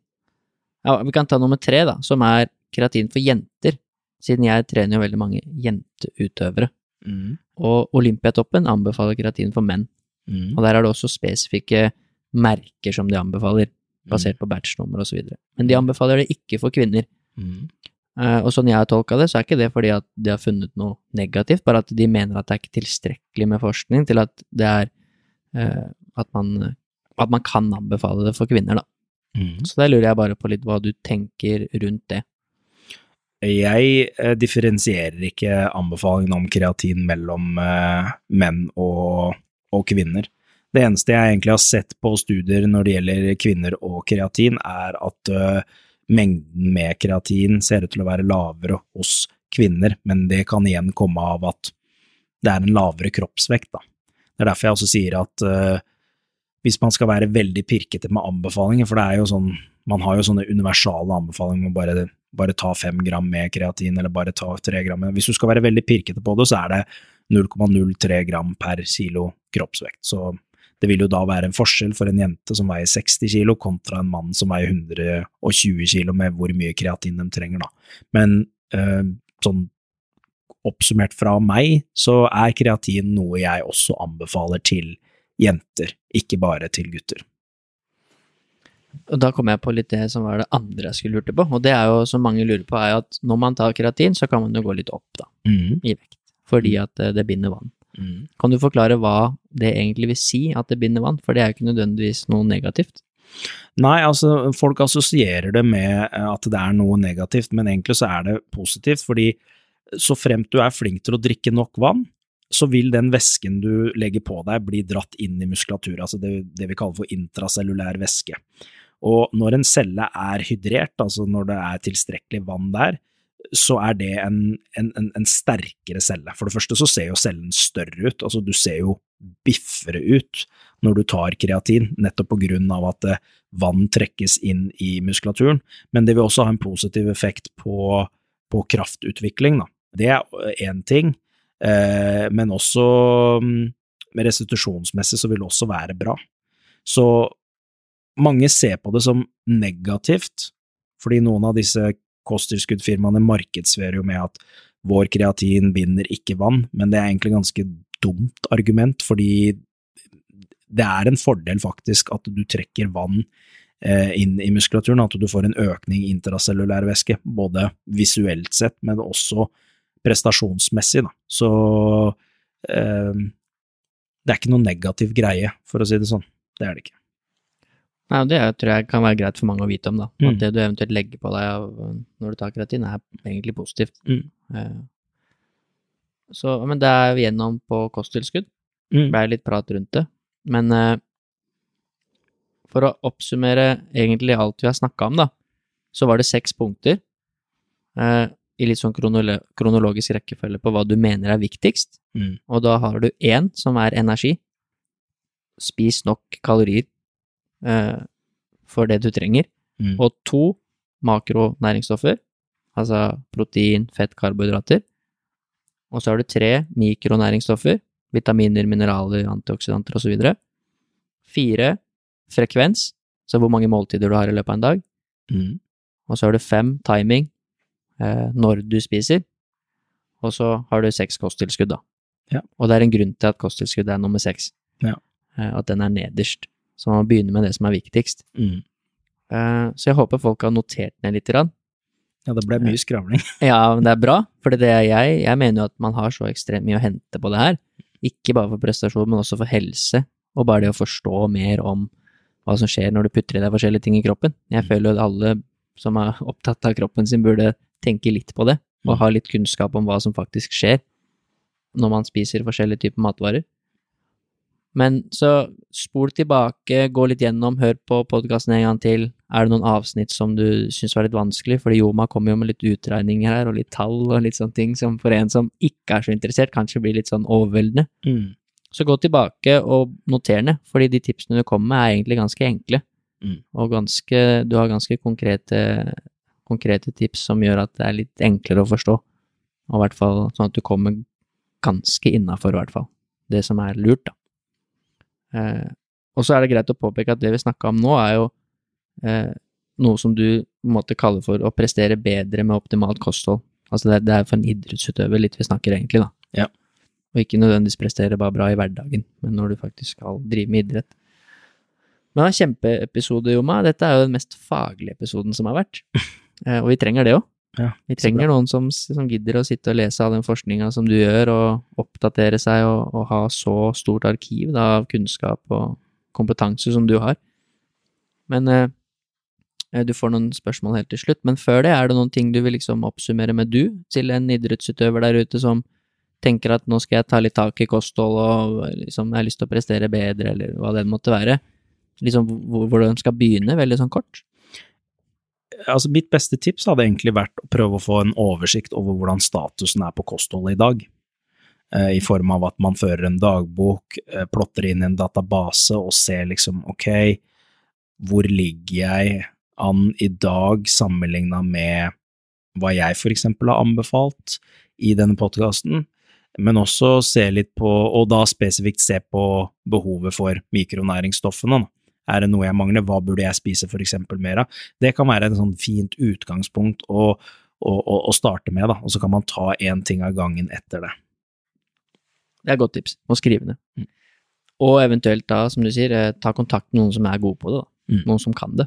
Ja. Eh, Jeg har jobbet litt med, med liksom vektoppgang, da, for Mm. å få litt økt muskelmasse. Mm. Og det var et kjempeverktøy for meg å, å få hjelp fra en som faktisk kan det, da, Mm. til å notere ned hvor mye jeg faktisk skal spise, og hvorfor, og så videre, og ha litt tall på det. og Du lærer mye, da, av det. Mm. Sånn at det er litt, kanskje litt sånn hassle og tungt i starten, og så når du har gjort det et par uker, så, så trenger du ikke lenger å telle alle kalorier og sånn, for da kan du det, på en måte. Ja. Det, det blir på en måte et lite kurs når du skriver ned hva du har spist, og, og lærer litt om de forskjellige Det blir som en sånn bootcamp, da. Ja. Mm. Det er jo egentlig det det er. Ja. Men det kan være lurt, det, altså. Du lærer ganske mye i en sånn prosess. Ja, men det er bra tips. Da er det to spørsmål helt til slutt. Mm. Det er gøy. Mm. Det har ikke noe med nødvendigvis her å gjøre, men alle som er med på podkasten, får de spørsmålene, da. Okay. Jeg syns det er veldig interessant å, å høre de forskjellige svarene. Det er ikke noe sånn skummelt eller noe, men nå er jeg spent. Ja. Og det første spørsmålet er hva er du mest stolt av i livet ditt akkurat nå? Hva jeg er mest stolt av i livet mitt akkurat nå? Ehm, det må egentlig være ehm,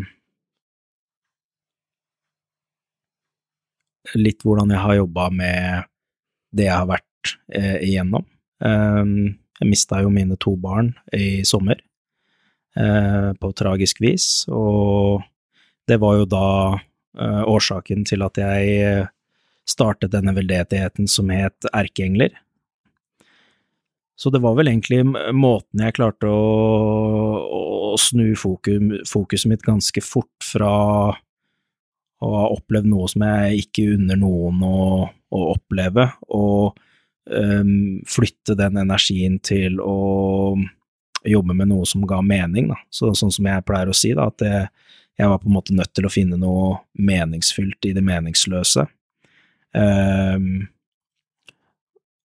og det var vel egentlig Det er vel egentlig det jeg har vært uh, Ja, liksom oppsummert av alt jeg har gjort i livet mitt, så er det egentlig det, for å være helt ærlig. Og det kan jeg bare si, som jeg sa i innledninga, at det er det noe du kan være stolt av, så er det jo det. Mm. Eh, Det er veldig imponerende det du har gjort, og fortsatt gjør, Mm. med erkeengler og, og, og alt du har skapt, og du har brukt det til noe positivt på en eller annen måte, da. Mm.